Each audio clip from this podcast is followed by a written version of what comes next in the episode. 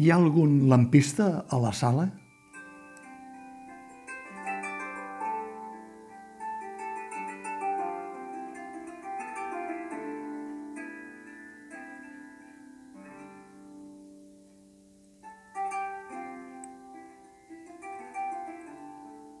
A Florència, el 1348,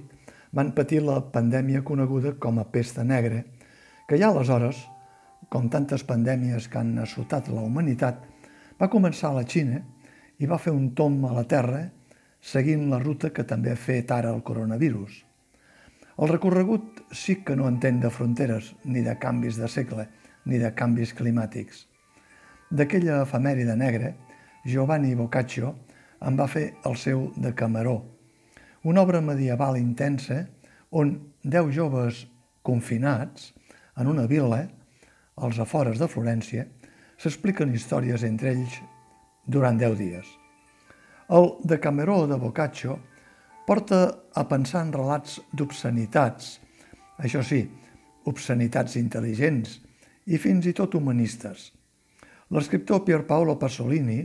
el 1971 no es va deixar encaterinar per la característica de la desena i en la seva versió cinematogràfica va readaptar només nou de les històries de l'original de Boccaccio.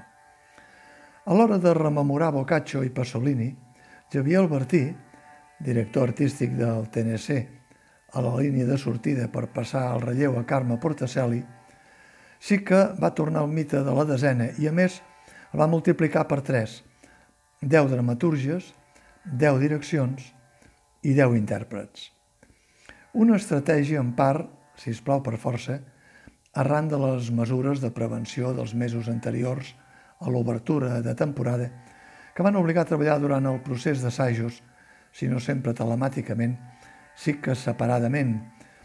cosa que s'evidencia durant tota l'obra i es nota que no s'hi pretén crear un fil unitari, sinó fomentar més aviat una mirada unitària per part de cada espectador després d'escoltar deu històries, deu reflexions, que formen part d'un temps i d'un moment determinat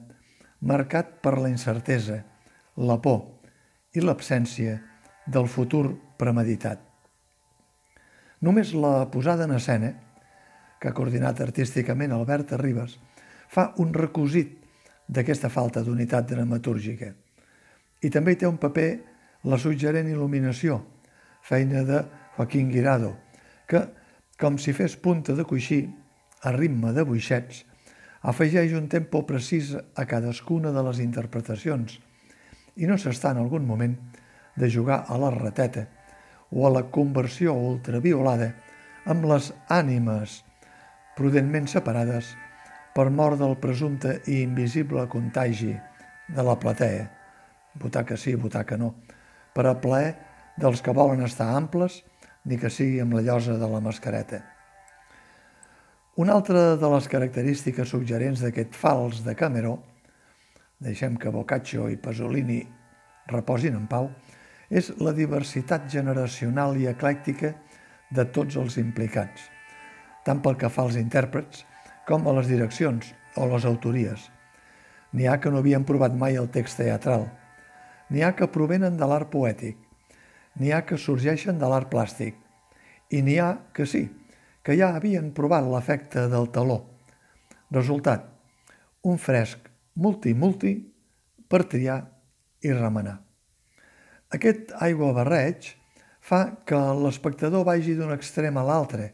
a batzegades i que cada nou episodi es pregunti quin una li espera. Des del verb desbocat de l'actor Melció Casals, que en el seu manifest per un nou teatre de l'autor David Carnevali acaba preguntant «Hi ha algun lampista a la sala?» fins a l'actriu Lina Lambert que, revisant un text anterior de Lluïsa Coniller sobre una visita al Museu Criminològic, deixa anar que tot plegat és un escàndol. Entremig hi campa el nom de Pep Guardiola i el d'un altre futbolista que el tenia sovint en les seves oracions, Zlatan Ibrahimovic, i campa l'alè poètic de Narcís Comadira, contemplatiu en temps de confinament, amb la presència en to greu de Víctor Pi, i campa la reflexió també greu de Pepo Blasco sobre els homes i la natura com una esperança cega, i campa la mossa d'esquadra amb paràlisi cerebral, impactant interpretació de Desiré Cascales Chalme, que recita el seu text amb la projecció sobretitulada i que esquerda qualsevol idea